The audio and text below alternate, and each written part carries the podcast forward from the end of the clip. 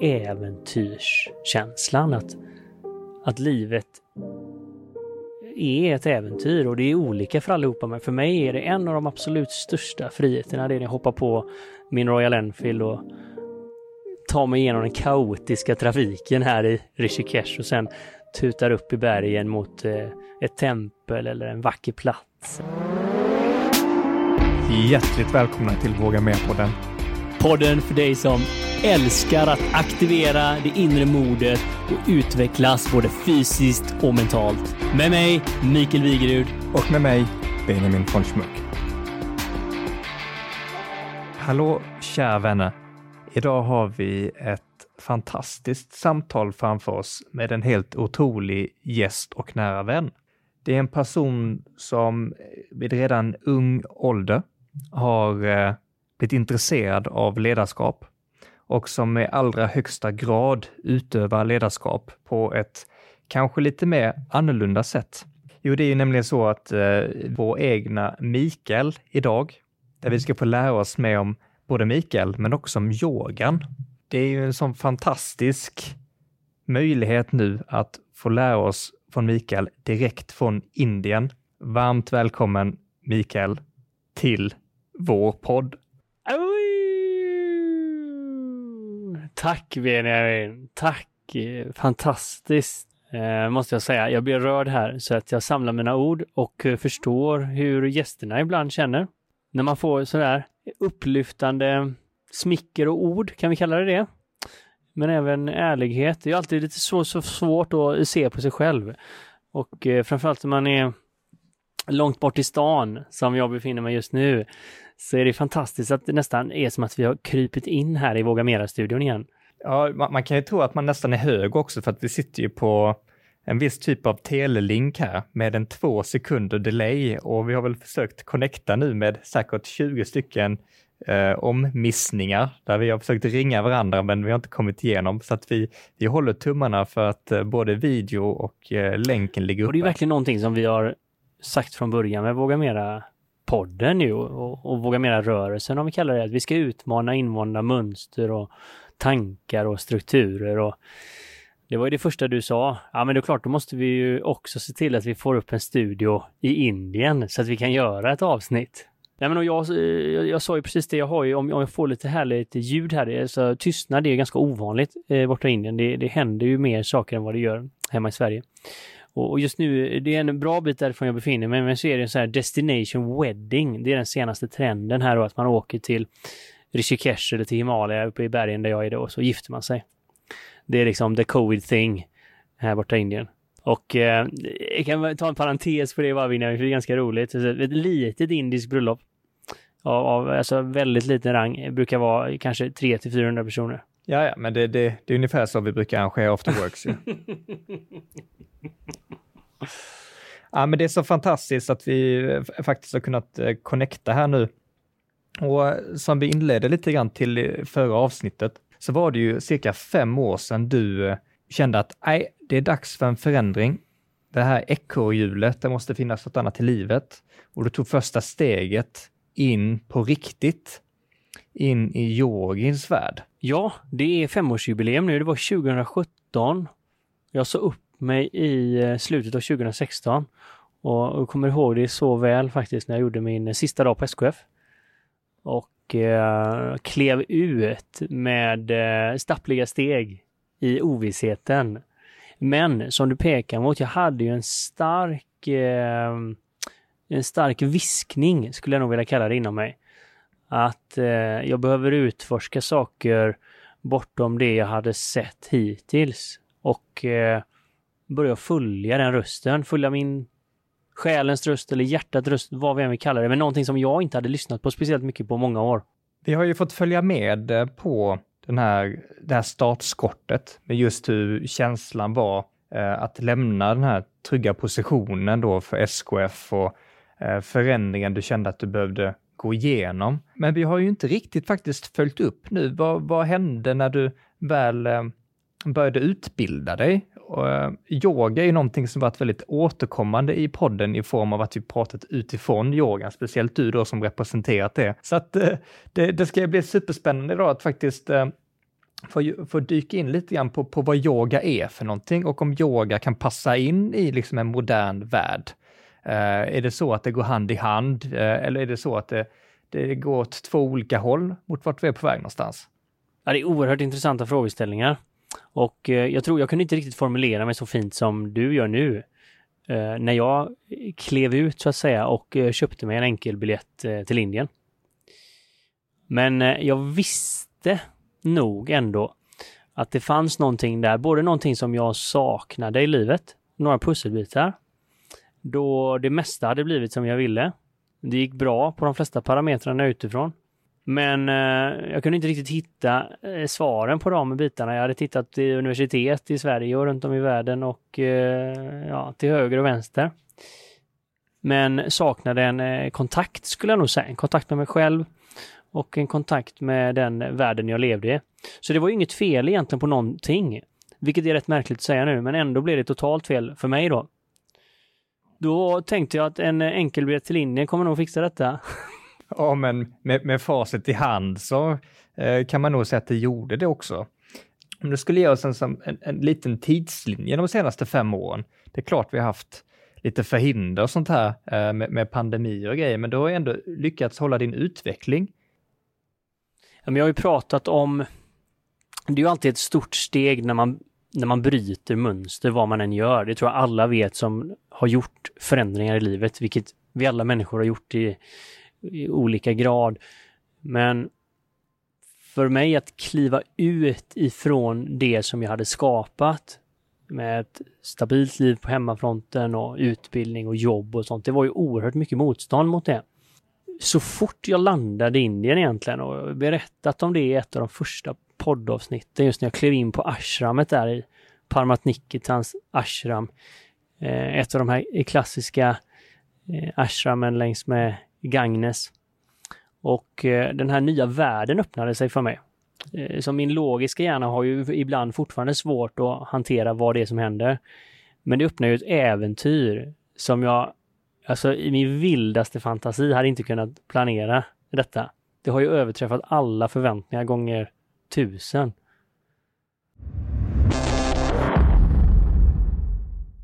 Mikael, vi har fått ta del av ditt startskott på den här resan. Men jag tror att det är väldigt få som vet vad du är just nu. Det har ju tagit olika steg kan man säga. Det började ju egentligen med ett eh, starkt utforskande från min sida, att se hur kan jag applicera det här för mig själv och eh, vad det gäller tekniker, förståelser, insikter, kunskap. Eh, men ganska snabbt där så kände jag att det, jag skulle vilja gräva lite djupare i det. Och eh, det var ju den här yogafestivalen som jag har beskrivit då, internationella yogafestivalen i Rishikesh 2017 som exponerade mig för extremt mycket olika yogalärare och eh, olika tekniker inom yogan. Och där gick jag på en klass, jag kommer så väl, väl ihåg det, det var tror jag andra eller tredje dagen eh, hos en eh, lärare som eh, Eh, gjorde ett starkt intryck på mig. Och eh, kände mig extremt levande. På något sätt lugn och levande på samma gång som jag inte hade upplevt många gånger innan, kanske förutom vid extrema idrottsevent eller det hade varit väldigt utmattad eller gjort eh, extrema saker helt enkelt. Eh, oerhört eh, livsfull känsla.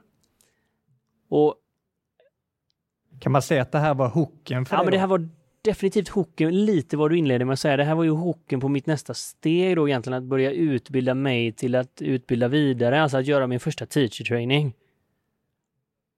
Eh, min första yogalärarutbildning. Men vid det här tillfället så var ju jag, såg mig själv som en extremt stel fotbollsspelare. Jag hade svårt att göra de liksom, enklaste framåtböjningarna. Jag hade suttit mycket, jag hade extremt ont i ryggen. Och bara tanken av att kunna vara yogalärare, den var Typ som att flyga till månen.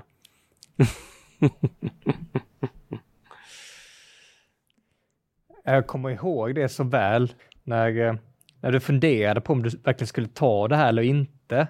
Eh, jag tror det var din pappa, pappa Ulf, som säger bara, men vad fan, du har ju redan bestämt dig, det är bara att åka. Ja, men det är många personer som har stöttat mig. Jag har inte gjort den här resan själv. Men det är ett sånt ögonblick faktiskt. Jag sitter ute hos farsan på Björkö Och eh, jag känner väl att jag måste säga någonting till honom. Så det är då jag, var, jag har ju kommit hem till Sverige då igen efter min första resa och eh, har ju den här inre längtan av att åka tillbaka till Indien och göra yogautbildningen. Men i och med att det känns så himla långt bort, nästintill omöjligt, att, att, att ens kunna säga att man skulle vara yogalärare. Eh, så, så tänker jag, jag ska försöka säga någonting till farsan. Så jag får ut mig till farsan att du, jag tror att jag eh, skulle vilja åka tillbaka till Indien och gå en eh, yogalärarutbildning. Och eh, så tittar han på mig och så, du tror att du vill det? Ja, ja, jag tror att jag vill. Ja. Alltså, det har du velat sedan första dagen du kom hem. Ja, det var ingen bra pokerface där. Men sen du initierade den här yogalärarutbildningen, hur... Alltså jag tror att för alla som gör det så är det ett extremt stort beslut och för där var det för mig, japp, nu gör jag det. Gick rakt in i vardagsrummet, bokade en biljett och bestämde att jag ska göra första stegen. Idag finns det en eh, internationell standard för yogautbildningar som Yoga Alliance står för då. Så det man nästan alltid gör först är att man gör en 200 timmars utbildning. Det är på något sätt standarden då för att eh, börja lära ut yoga kan man säga. Så då bestämde jag mig att jag ska åka tillbaka till Indien, jag ska till Rishikesh och jag ska till den här eh, Sattva Yoga Akademin då, eh, den här eh, klassen som hade berört mig så mycket. Där kände jag att dit ska jag. Så eh, gick jag in, bokade in mig på att vara en och en halv månad på heltidsutbildning. Bara som ett förtydligande här då för, för er som lyssnar in och för mig också.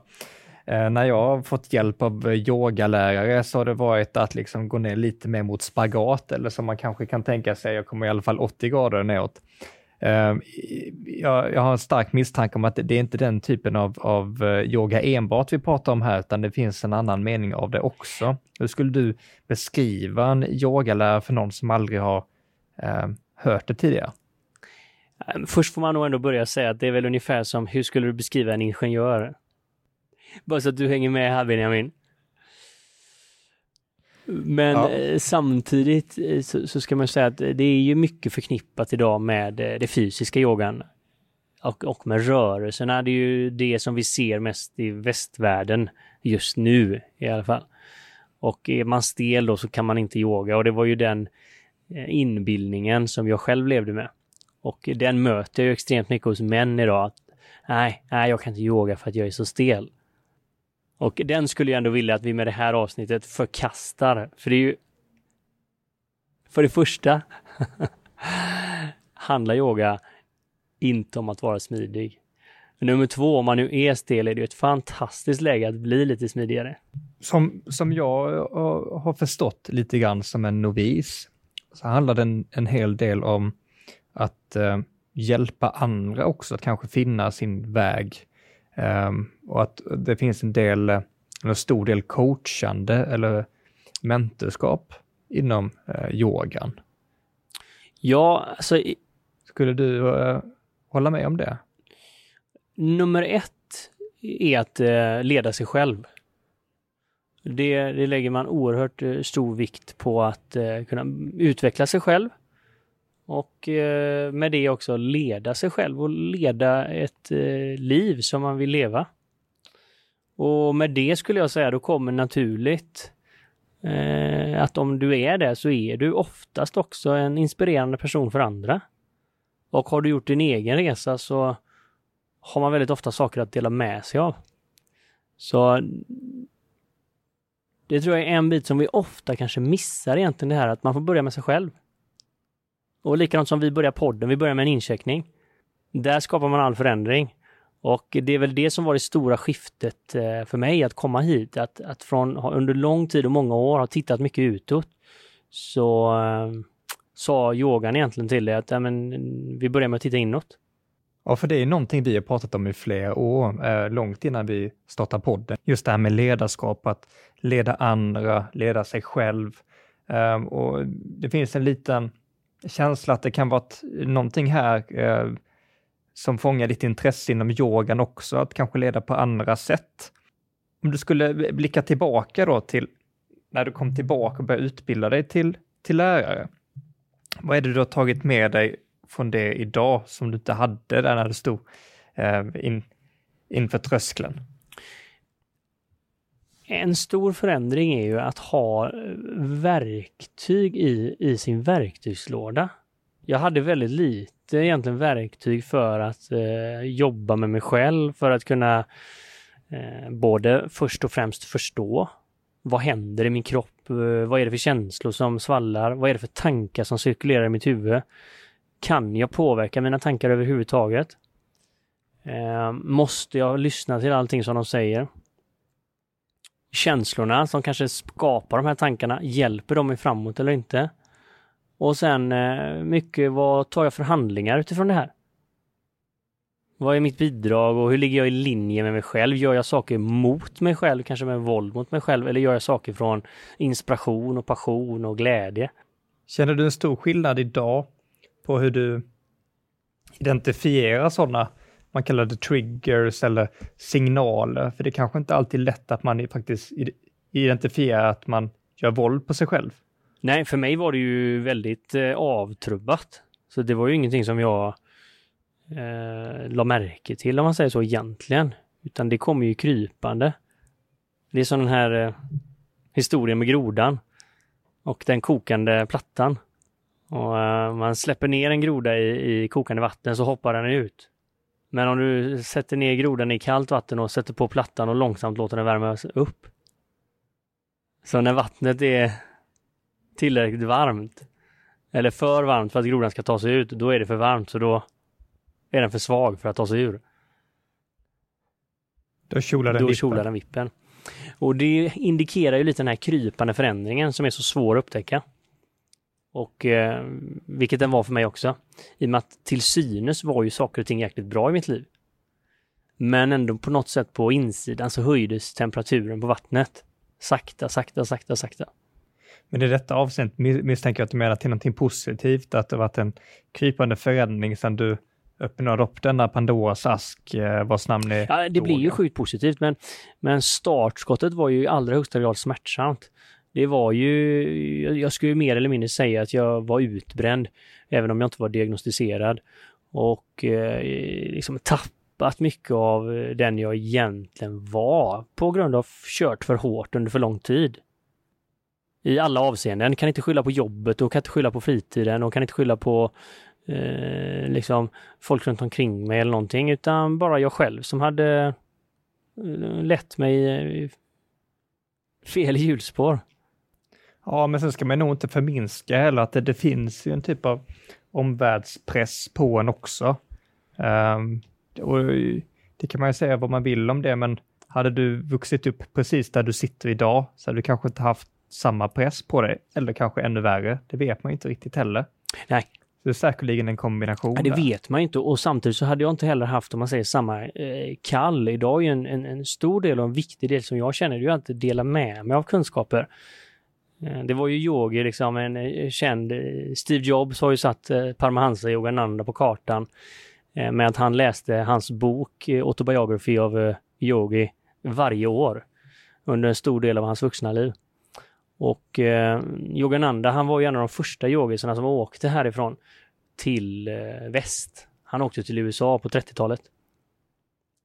Och eh, där började manegen krattas egentligen för det vi kanske ser nu då, en, en tredje våg efter Beatles och det som hände på 60-talet med Maharishi och den liksom stora meditationsrörelsen, så ser vi ju idag en modern yogarörelse där många människor rör sig till yogan för Eh, personlig och mental utveckling för avslappning. Men vi ser också nu mer och mer företag, vi ser techbranschen, vi ser innovation och kreativitetscentrum och sånt som eh, mycket eh, rör sig mot yogan och eh, där ser jag en väldigt spännande våg av moderna eh, yoganandas, om vi ska referera tillbaka till Steve Jobs polare där, som åkte båt då, så nu flyger vi istället. Men vad, vad, vad tror du då om, om yoga? Jag tänkte vi ska gå in lite grann på vad, vad yoga är alldeles strax. Men vad tror du då om, om yogans, om man säger framfart i det moderna tekniska samhället? Är det någonting som går alldeles för långsamt eller är det någonting som man kanske ska, ska få in redan på, eh, på säga, högskolan eller lågstadiet? Ja, ju, nej, men ju tidigare man kan få in det, ju bättre är det. Och eh, det är för att lära sig egentligen att eh, förstå sig själv i så tidigt stadie som möjligt. Alltså att eh, alla barn borde få lära sig mindfulness. Utan tvekan. Det tror jag skulle göra världen en eh, extremt mycket bättre plats. Och jag vet att Dalai Lama, han har ju sagt eh, om vi skulle lära alla sjuåringar att meditera så skulle vi ta bort krig i en generation. Ja, det är ett klassiskt citat det där. Jag säger inte att jag varken håller med eller inte håller med, men jag hade jättegärna sett att det praktiserades för alla sjuåringar. Så får man se ja, vad som händer. Det är i allra högsta grad aktuellt nu, men, men det kommer alltid vara konflikter och så vidare. Men, eh, men man kan ju bara se att vi lär oss väldigt mycket i skolan, men vi lär oss väldigt lite om att leva livet. Det skulle jag säga av alla år jag har studerat. Så jag har fått mm. väldigt lite livskunskap. Nej, men så är det på, på många plan. Uh, det är nästan så att man kan tro att det finns uh, en taktik att hålla folk i det. Ja, det finns ju de som säger det, men uh, man blir ju fascinerad i så fall var de här tänkarna skulle sitta och styra det härifrån. Du sitter där dina första yogande steg togs. Så du påbörjade denna utbildningen där Mikael. Hur, hur har du utvecklats via de här olika stegen? Jag har fått hänga med lite grann på hörnet där vi pratat om det utanför podden, eh, om nya utbildningar även under covid, men också nu när du är tillbaka igen. Ja, bara för att få lite känsla egentligen. Alltså jag, jag har inte pratat så mycket om det här, men jag gjorde ju min 200 timmars utbildning. Sen var jag i Sverige ett tag. Eh, inte min mest eh, fruktsamma tid faktiskt, utan jag kände ganska snabbt att jag behöver åka tillbaka. Så då åkte jag tillbaka till Indien och gjorde min 300 timmars utbildning. Eh, hittade min eh, motorcykel här också, min Royal Enfield. Och eh, gav mig ut på eh, ett antal olika pilgrimsresor här uppe i bergen med den. Och det tror jag var en viktig del som yogan återupplivade inom mig, det här äventyrskänslan. Att, att livet är ett äventyr och det är olika för allihopa. Men för mig är det en av de absolut största friheterna. Det är när jag hoppar på min Royal Enfield och tar mig igenom den kaotiska trafiken här i Rishikesh och sen tutar upp i bergen mot eh, ett tempel eller en vacker plats eller någonting. Jag tycker det är så fint du säger att livet är ett äventyr. Det, det är någonting jag känner igen mig själv i också, att det, det är då man lever på riktigt. Uh, och så fort man inte har den här känslan, eller i alla fall personligt, det är då man känner att man inte lever. Ja, men, jag, men vad händer sen? Jag tycker det är så fint beskrivet av det där Benjamin, för vi undrar idag varför alla har ADHD och varför alla, framförallt grabbar och yngre och sånt, inte kan sitta still i skolan. Och, det är också för att att känna sig riktigt levande är en viktig del av att vara människa. Och det tar vi ju bort mycket i det moderna samhället när vi låser fast barn i stolbänkar och vi låser fast vuxna människor att nu måste vi köra 9 till 5 till pensionen. Inte att det är något fel på det, men det kanske inte passar alla. Det finns väldigt lite grad av individualitetsanpassning i systemet och det tror jag, det skapar mycket lidande för många. Och där försöker jag själv utmana mig själv till att skapa mitt egna struktur. Och där har jag yogan som det absolut viktigaste verktyget idag. Så efter det då Benjamin, efter Royal Enfielden där i bergen och eh, då 500 timmars yogautbildning så kände jag så här, det här är ju inte tillräckligt. Utan sen har jag fortsatt att göra ett eh, mastertraining. Jag var här nere i två månader. Jag har eh, lärt mig om vedisk astrologi, och ja, jag känner fortfarande att det här finns hur mycket som helst att avkoda i den här visdomsskatten som det enligt mig är i Indien. Det, det, låter ju, det låter ju spännande bara när man hör masterutbildning. Vad vill du säga är den stora skillnaden på en yogilärare och en yogimaster? Det finns ju säkert andra bättre ord att använda, men för dig? Vad är, det, vad är skillnaden där? Alltså när jag, när jag sitter på den här eh, platsen så känns det lite stort att själv eh, ta det i, liksom, i min egen mun så att säga.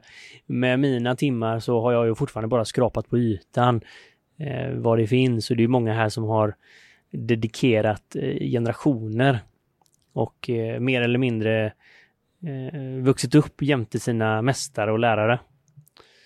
Eh, men eh, jag skulle säga det är väl hur mycket man kan ta till det till sig själv. Alltså att eh, vi pratar alltid om ens medvetandetillstånd, det är egentligen det primära och det mest intressanta.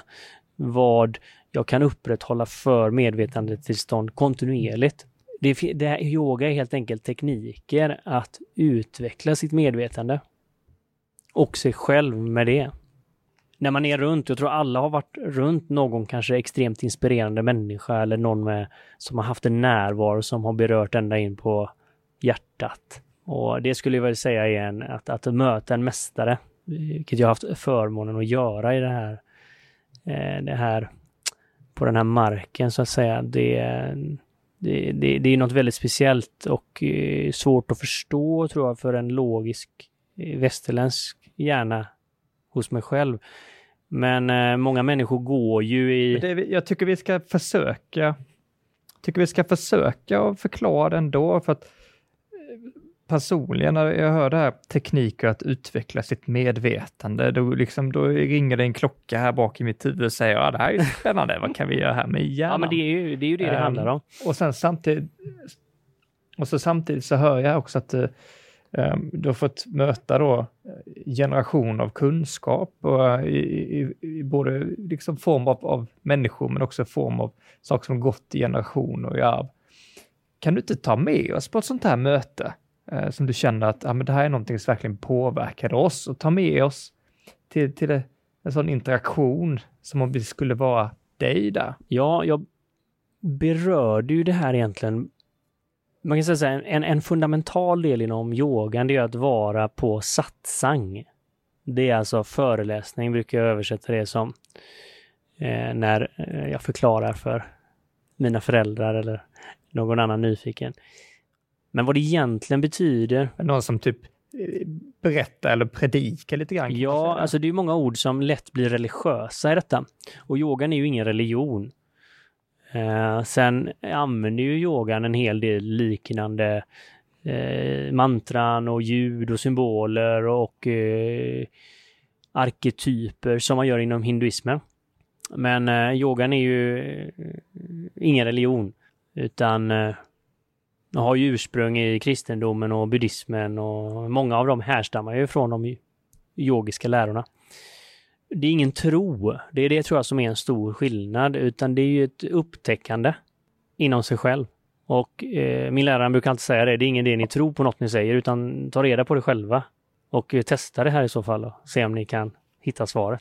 Och det är då bundet då till utvecklandet av medvetande? Ja, det är ju det som...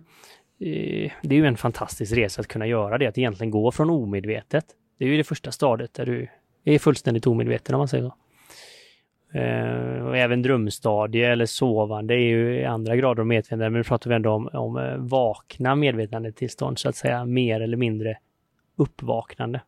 Och det ser vi ju i världen idag, fler och fler människor som ändrar sina sätt att äta, som ändrar sina sätt att konsumera och som ändrar kanske sina samtal, vad de pratar om. Och eh, det tror jag vi ser fortfarande bara startgroparna i ett eh, kollektivt uppvaknande också. Eh, men framförallt på individnivå att det händer små öar av bubblande saker. Ja, och det känns ju som att det är verkligen läge att, att äh, eh, få betydligt mycket mer av det. Jag tänkte tillbaka till det, har, har du någon sån här episod där du fick gå på någon sån här typ av, om vi kallar det då, föreläsning? Ja, men jag var inne om man säger en viktig del inom yogan är ju tekniker som alla har sett. Man är och rör sig, man gör asanas till exempel. Och eh, men en väldigt viktig sak är ju alltså gyana, alltså kunskap. Och eh, det förmedlas, alltså yogan är en muntlig tradition i huvudsak. Det har skrivits oerhört mycket böcker och idag finns det hur mycket online-material som helst. Men traditionsenligt så ges den från lärare till elev. Och satsang är egentligen att sitta i sanningen eller i visdomen. Så det har handlat mycket om att man har suttit nära en mästare eller lärare, suttit vid den personen fötter och lyssnat, ställt frågor, interagerat, pratat. Men där lika mycket av det som sägs är det som händer mellan orden. Och det var en av de stora skillnaderna skulle jag säga mot traditionell utbildning från min del. Där det var bara orden. Så är det att vara i en i en yogisk närvaro. Om jag använder det ordet. Det är ju livsförändrande i sig faktiskt. Att, att vara nära en mästare eller en eh, riktigt duktig lärare. Det går få opåverkat förbi. Kan du ta ett exempel av den här närvaron så att vi kan få oss nästan ett, en bild framför oss hur det skulle kunna vara? Västerländska idén om utbildningen handlar ju mycket om att eh, mata ut information.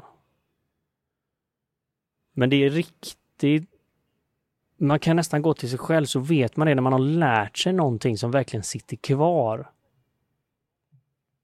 Då har det kommit genom en upplevelse. Jag skulle säga det tydligaste sättet att beskriva den personen eller de personerna, det kan vara en man eller kvinna eller var som helst, men det hänger i, i min uppfattning väldigt mycket ihop med närvaro.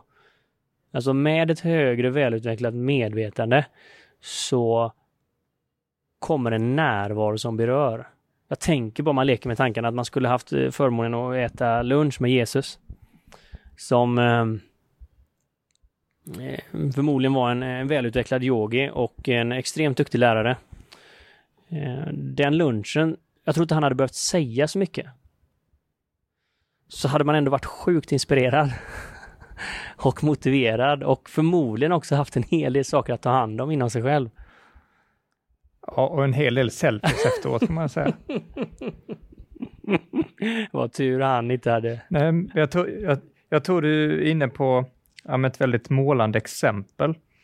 Uh, och jag tänker lite grann på det här också när man har lyssnat till personer, både lyssnat till personer som berör en, men personer som inte berör en.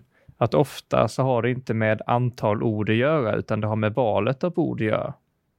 Och hur de kommer fram, så att säga, hur de presenteras. Exakt. Det är lika mycket var orden kommer ifrån.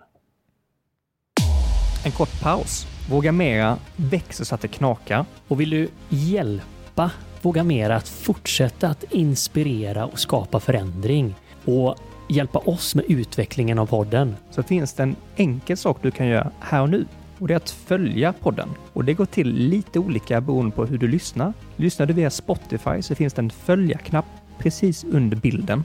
Och lyssnar du till exempel via Apple Podcast så finns ett plus uppe i högra hörnet. Så tryck där så är du alltid uppdaterad när nästa avsnitt kommer ut. Och givetvis fortsätt att vara den inspiratören du är.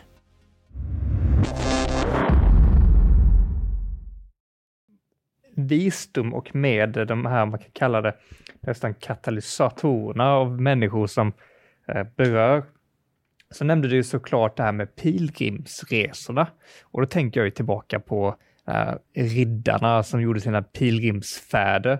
Och så tänkte jag att man eh, åkte där med sina, sin häst och sin lans och här har vi Mikael istället på en motorcykel i jäkla massa ljud och stök och äh, människor.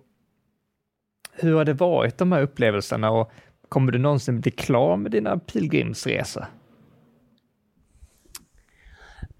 Eh, det här har ju varit en pilgrimsresa från början för mig, har jag börjat inse nu. Även eh, första gången jag klev ut från Gamlestan och eh, jobbet på SKF till att ta flyget till Landvetter och komma in till Indien. Redan där var ju på något sätt eh, första steget på den här pilgrimsresan.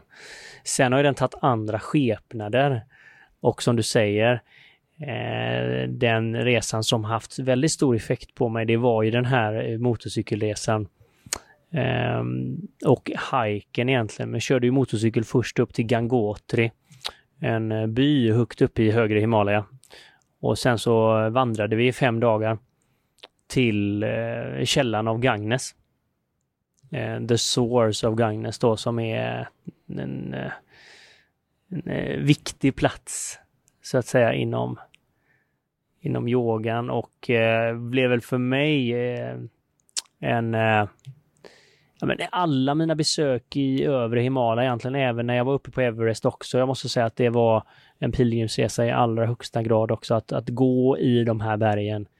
Att eh, vara så nära med döden också, som det var för mig. Att vara eh, höjdsjuk och se alla delar inom sig själv. Varför gör jag detta och är det viktigt eller ska jag vända om? Och ja, det var mycket frågor som, som hände för mig när jag varit på hög höjd i bergen. Det har aldrig varit en enkel resa faktiskt, men eh, verkligen förändrat mig.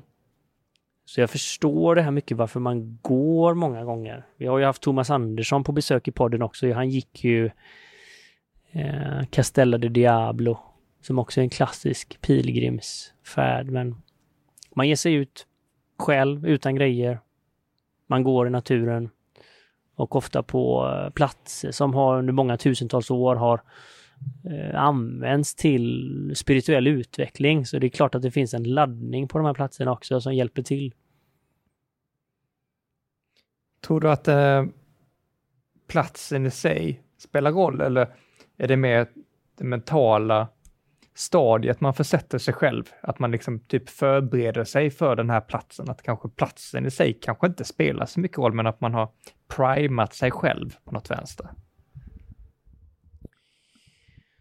Ja, jag skulle vilja säga både och. Eh, men jag är också idag eh, med att ha jobbat extremt mycket med energier om man säger i alla de här utbildningarna. Jag är ju utbildad i, i, i kundaliniyoga och kriya-yoga som egentligen är energiarbete. Så eh, absolut att platserna har betydelse. Och eh, det tror jag många kan uppleva, att man går till en plats och så känner man någonting där. Att man nästan är någonting på den ena platsen. Säg att på den här platsen så mår vi skitbra. Känner oss inspirerade och laddade och glada och vill ta kontakt med människor. Så går vi till en annan plats och så känner vi bara kommer därifrån och bara åh, måste lägga mig. Jag känner mig helt död. Hur kan man... Jag, jag kan känna igen mig i det du säger, men jag har svårt att ta in det. Jag har svårt att ta in det utifrån den fyrkantiga ingenjör som jag är. Och du är också en fyrkantig ingenjör som sedan har lyckats gå lite utanför boxen. Hur kan man förklara det här med energi, någonting som kanske för en utomstående låter lite, kanske rent av konstigt.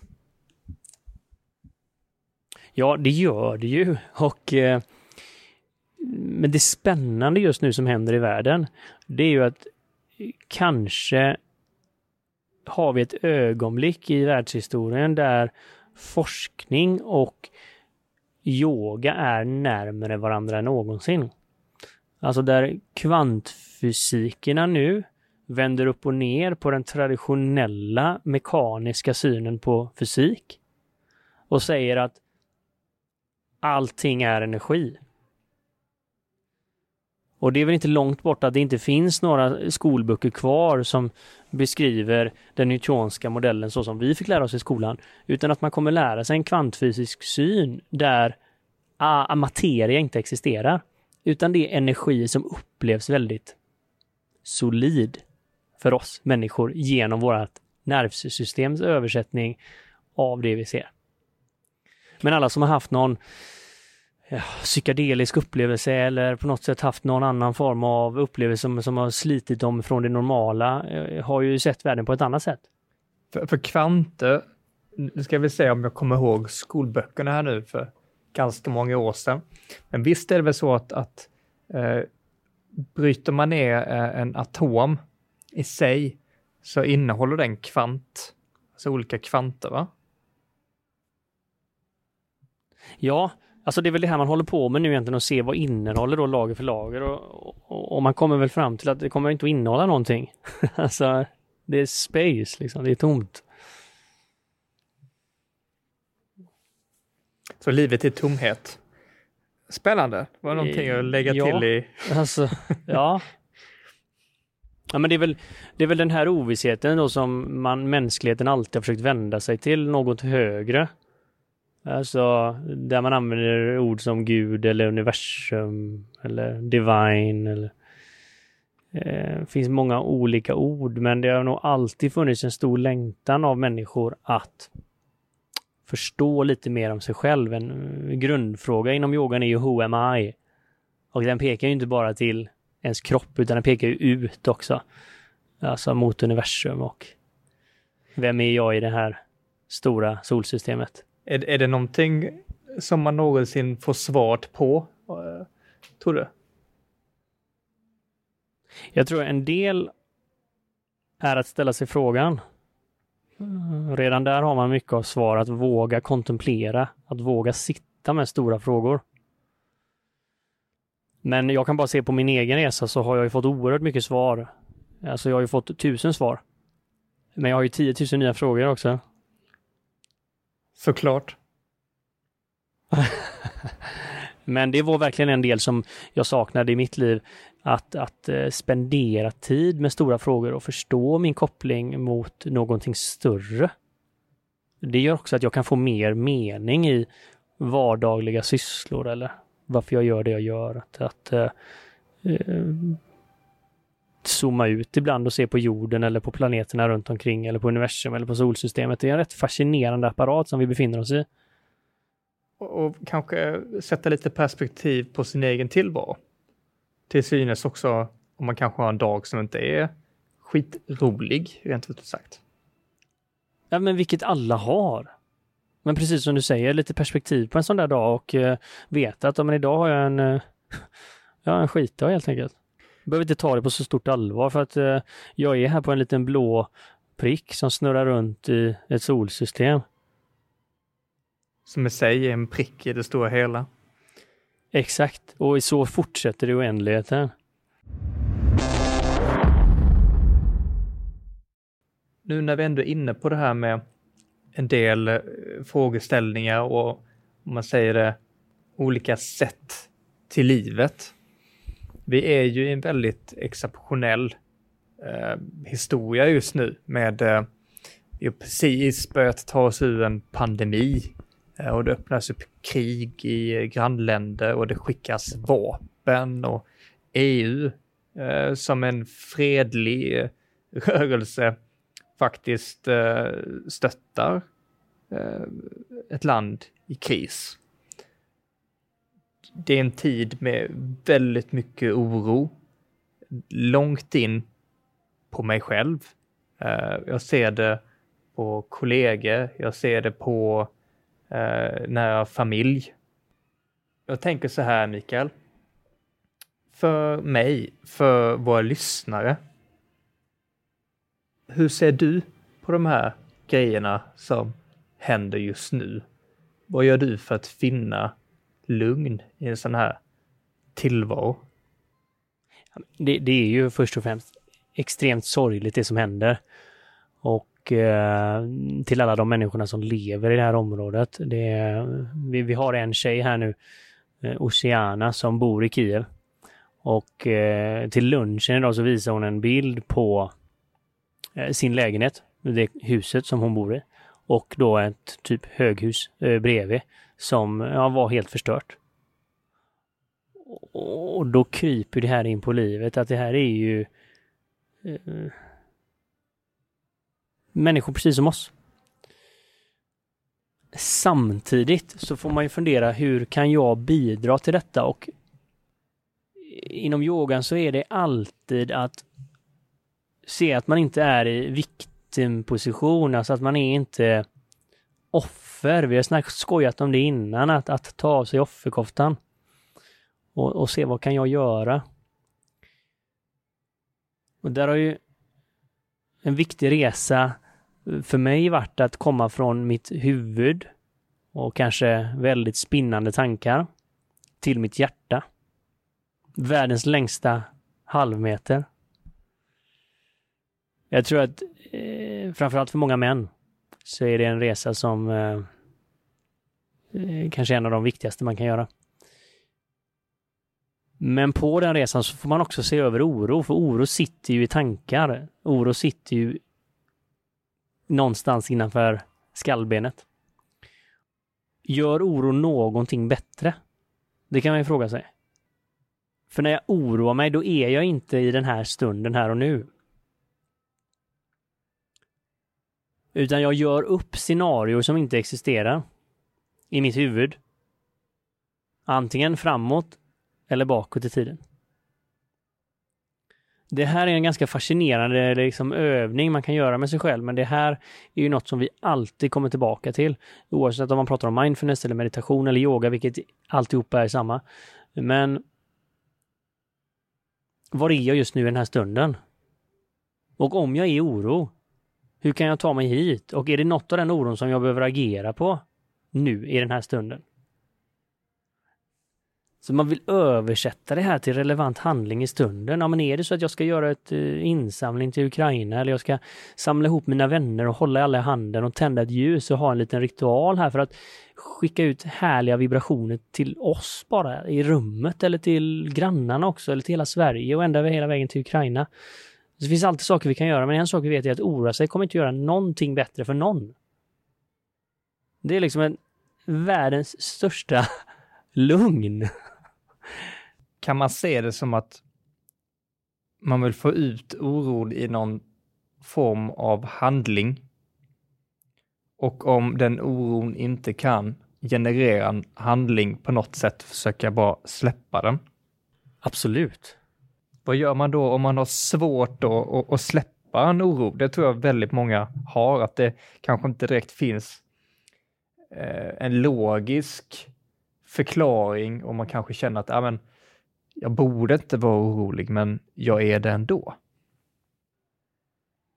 Alltså, du är inne på något jätteviktigt här och det kanske är en av de svåraste utmaningarna vi har just nu som individer i det här samhället. Det är ju att bryta våra negativa mönster. Alltså vårt sinne har en negativ laddning från början.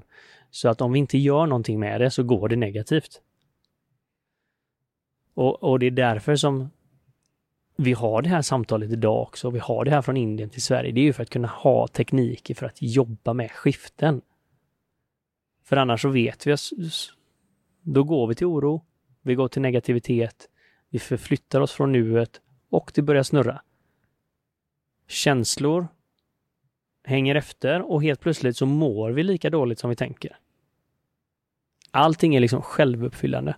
Och då säger du så här, men hur kan jag bryta detta? Ett är ju nu då, det är bra att känna till det här. Det är naturligt också att tänka negativt. Och det kan vara mina egna tankar, men det kan också vara så att jag sniffar upp någonting i luften, några vibrationer som ligger. När det är kollektivt väldigt mycket negativt tänkande så... Ja, ja, dina nära, så att säga, arbetsplats, hemma, media just ja. nu bombarderar ju alla. Det är inte bara där det är krig, men man blir ja. bombarderad av skit hela tiden ja, men det är bara att titta på media, vad som har kommit ut det senaste och då kan man ju, liksom, man får vara mindful i vad man konsumerar för att det är ju svårt att konsumera media och lyfta upp sig själv. Det var covid i tre år och nu är det kriget. Och det är inget fel med att veta, men att ta allting i lagom dos. För det är klart att det vi konsumerar påverkar ju vad som händer inom vårt system. Om jag konsumerar eh, krigsmaterial eh, tre timmar på en dag och sen ska jag gå och lägga mig. Vad är sannolikheten att jag kommer att tänka på en härlig flod som rinner genom ett vackert landskap där människor fridfullt fiskar längs med stråket och planterar ja, vackra blommor. Den är ju sjukt liten, för vi är ju på något sätt skapta att överleva, inte att vara lycklig. Så allting som kan vara det minsta lilla risk håller oss skärpta och på savannen och i urskogarna så höll det oss levande. Ja, men framförallt är du inne på något som är viktigt att inse. Alltså, vi ska ju dö. Nummer ett. Allihopa. Och vi lever i ganska i hög grad av förnekelse till det. Så jag tror att man har sett att både covid nu och kriget är någonting som pekar åt insikten av att eh, vi ska dö. En stort skifte är att bli vän med den känslan. Att vi, ingen av oss vet om vi kommer att överleva det här poddavsnittet. Varken du som är host, Benjamin, eller jag. Men på något sätt lever vi våra liv många gånger som att vi är odödliga. Och därför så kanske man inte ens lever livet. Det är ju ofta priset av det. Ja, gör. You, you do what you're Så- told. Så här borta då i, i Mala så brukar vi säga att meditera är att mikrodosera död. Så det är att mikroreducera död. Eh, en- Det är ju trendigt nu i, Silicon Valley att mikrodosera olika saker. Så mikrodosera död. alltså microdosing death. Du får, du får förklara den. Mikrodosera död. Alltså att man doserar det som Japp. ka kanyl i, benet, eller? Ja, precis. Eller en eh, små doser av en låter ju inte av något annat eh, som du vill. Nej, men det är väldigt hälsosamt. Eh, för det du gör när du mediterar, det är ju att eh, dra tillbaka sinnena. Alltså pratyahara, som är en av de åtta delarna inom yogan. Alltså, man drar tillbaka sinnena. Både kanske fysiskt, man har en lätt sjal över sig eller men du sluter ögonen, stänger munnen, låter det som händer runt omkring dig händer. Och då går man med uppmärksamheten mer och mer in i kroppen. Ofta ankrar man sig i andetaget som är på något sätt livet i kroppen. Så länge vi andas så lever vi. Men varje andetag vi tar så kommer vi också ett steg närmare sista andetaget. Jag känner ju eh, rent utav att det är tvärtom då. Att eh, ju mer vetskap man får, desto mer kontroll på sin kropp det är, desto längre lever man. Hoppas jag. Kanske så att man doserar Jo, lite liv alltså varje gång man mediterar. det fina är ju att det är både och. Alltså, Ja. nu, nu, nu Ja, kan det låta lite läskigt det jag säger. För vi, för vi pratar om ett ämne som är eh, väldigt ovanligt att vi pratar om idag. När vi har tagit bort kyrkan och vi har tagit bort liksom religionen mer eller mindre i Sverige så har vi ju inte så mycket forum där vi pratar om liv och död och sånt. Och det tror jag, jag tror det är väldigt viktigt för oss att förstå våran eh, alltså icke-odödlighet. För det kommer få oss att leva varje dag helt annorlunda och det kommer få oss att ta helt annorlunda beslut. Du kan ta ett beslut i kärlek eller du kan ta det i hat. Och om det är ditt sista beslut du ska ta, vad skulle du välja? Du kan ju välja och eh, fortsätta hålla fast i en story, eller du kan välja att förlåta. Det är ditt sista beslut du tar. Du har så rätt i detta och det är väl många som inte ens pratar om det med sina föräldrar för det väl, jag menar när, tills det nästan är för sent. Um, man förknippar död med testamente och helt plötsligt så blir det förknippat med materiella ting och um, komplexiteter.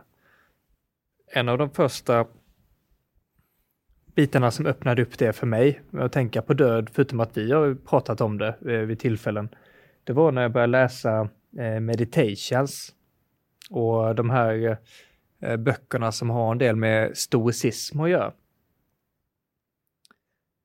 Där man ställer sig egentligen bara en fråga och det är om man ska leva livet än en gång.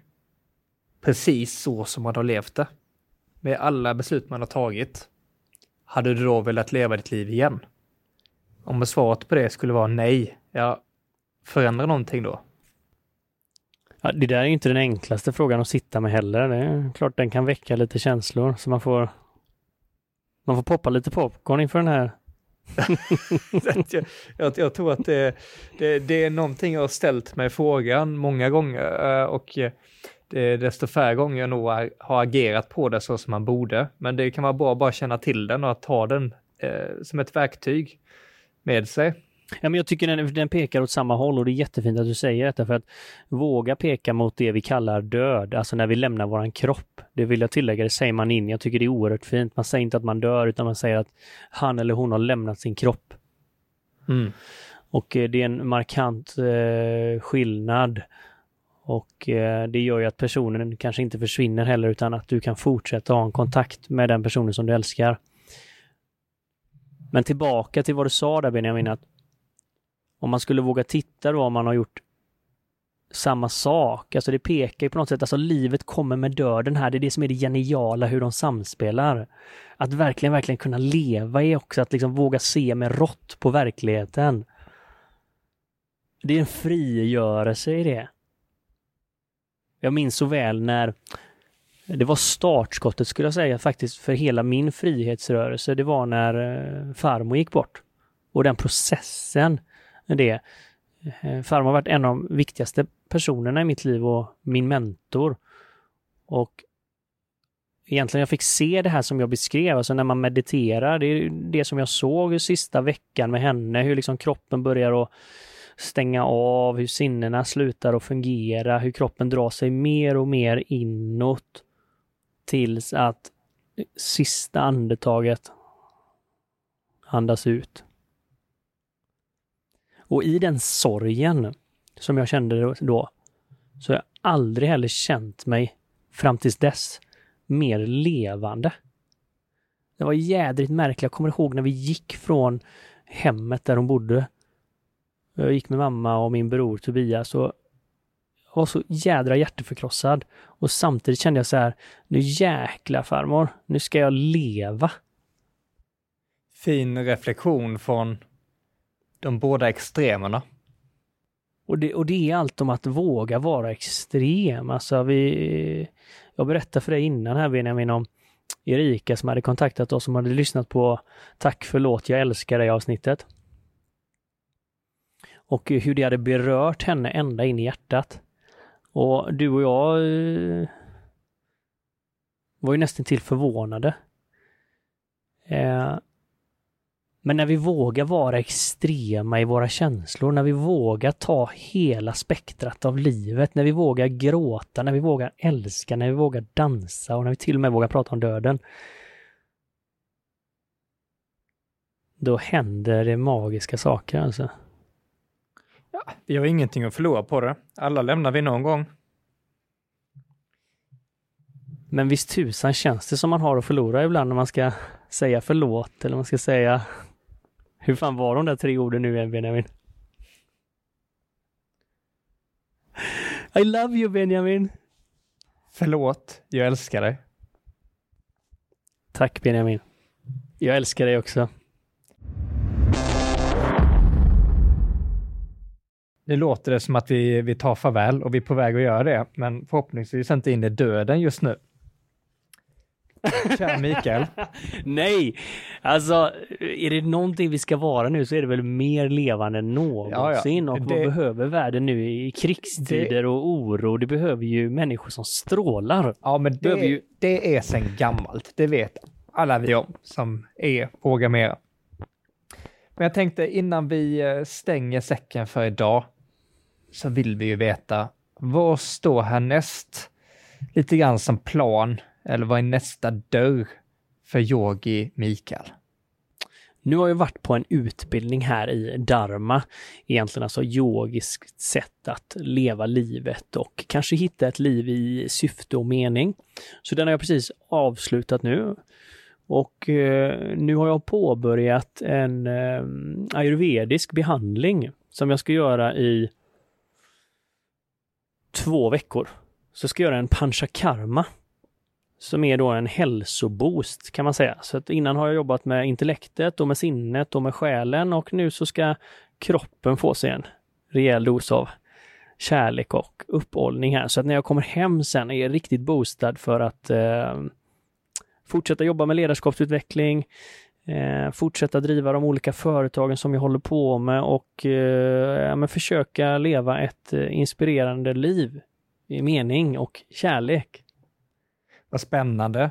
Och för oss som inte vet, en sån här incheckning med kroppen då, eller liknande, vad är det för någonting? Är det som jag tror att det är ett gyttjebad, eller vad är det för något? Nej men det roliga är, jag vet ju inte, jag har inte gjort panchakarma innan. Jag, jag vet att det är många som lyssnar som, som säkert har gjort det. Och eh, det skulle vara skitkul om ni hör av er och berättar lite grann om erfarenheterna. Men, men det är en bas... eh, behandling inom ayurvedan kan man säga. Eh, alltså som är ett holistiskt hälsosynsätt. Väldigt kopplat till yogan men ändå separerat där det är mer läkekonsten inom kroppen. Och så nu har jag gjort dag ett då. Så idag har jag, jag har en kostplan nu som jag ska följa. Jag har en behandlingsplan, så idag har jag varit på eh, helkroppsmassage, ångbastu, eh, jag har fått olika örtdrycker, fruktjuice. Alltså det har varit en jävligt lyxig dag. Och så här ska vi hålla på nu i två veckor. Så jag känner bara så här, ah, det här kommer bli riktigt bra. Ja, men vad spännande. Det här är, det här är någonting jag blir direkt intresserad av. Jag har ju lite hacking här på, på sniskan vill jag ja. få till det som. Ja, men detta är biohacking på, på hög nivå skulle jag säga. Eh, och, men det är också, det, finns vissa delar som jag är lite orolig för, för man ska på något sätt, jag, har inte förstått allt som den här ayurvediska läkaren har sagt då, men man ska göra cleansing eh, uppifrån och eh, nerifrån kroppen och jag är lite orolig för det här uh, nerifrån. Du, fråga inte hur många som har haft den slangen tidigare. Så, ja, vi får se här. Jag tror att du är på rätt spår, Benjamin. ja, ja. Vi kan nog ta ett helt, ett helt nytt uh, avsnitt om det här vid, vid senare tillfälle. Uh, med rekommendation att man inte äter samtidigt. Det kan ju vara så att vi har uh, lite nya lyssnare som inte riktigt har koll på, på dina verksamheter runt just yogan. Eh, om man är intresserad av att eh, veta lite mer eller till och med eh, bli guidad av dig, ehm, hur gör man då? Ja, men, tack för att du frågar Benjamin och det är ju verkligen en sån rolig idé. Det har verkligen kickat igång kreativiteten hos mig, yogan och entreprenörskapet. Så att idag så driver jag ju Volition Studios. Där vi försöker att dela med oss av insikter härifrån öst och Himalaya till västvärlden och göra dem relevanta för moderna människor. Så eh, det lättaste är att se på Instagram, volition.studios. Eller på eh, hemsidan volitionstudios.se. Och sen utifrån det så har ju mycket kommit till. Den här podden har ju kommit till. Eh, jag är vd för NSC Sweden idag, ett riktigt härligt konsultbolag där vi försöker att göra skillnad i techvärlden och skapa grymma servant leaders.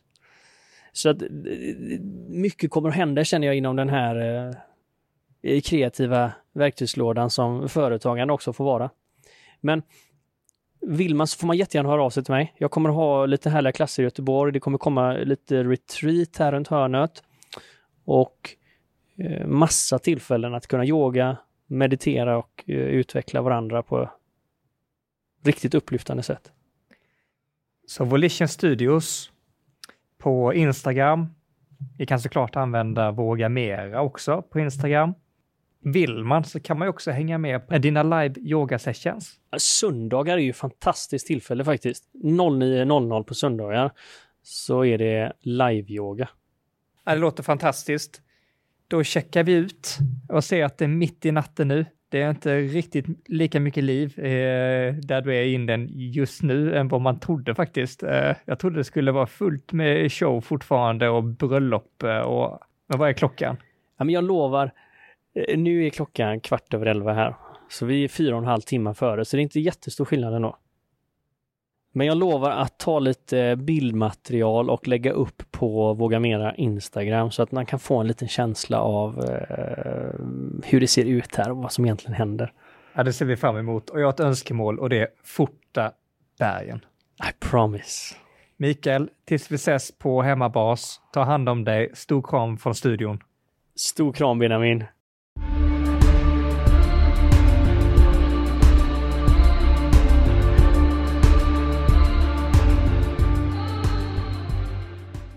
Du har precis lyssnat på Våga Mer-podden med mig, Benjamin. Och med mig, Mikael. Vill du höra mer av oss så måste ni ju såklart prenumerera på podden. Och det gör ni genom att ni klickar i den här klockikonen där poddar finns. Det brukar vara som en, en liten, liten, liten ikon. Så se till att ni hittar den så är ni med nästa avsnitt och nästa igen och nästa igen och nästa igen och ni är alltid uppdaterade. Och är det en sak som vi verkligen tycker om i Våga Mera-podden så är det ju att vi tillsammans engagerar oss. Så in på våra sociala kanaler, kommentera, dela och inspirera varandra. Ha en magisk vecka till nästa gång så syns vi snart igen.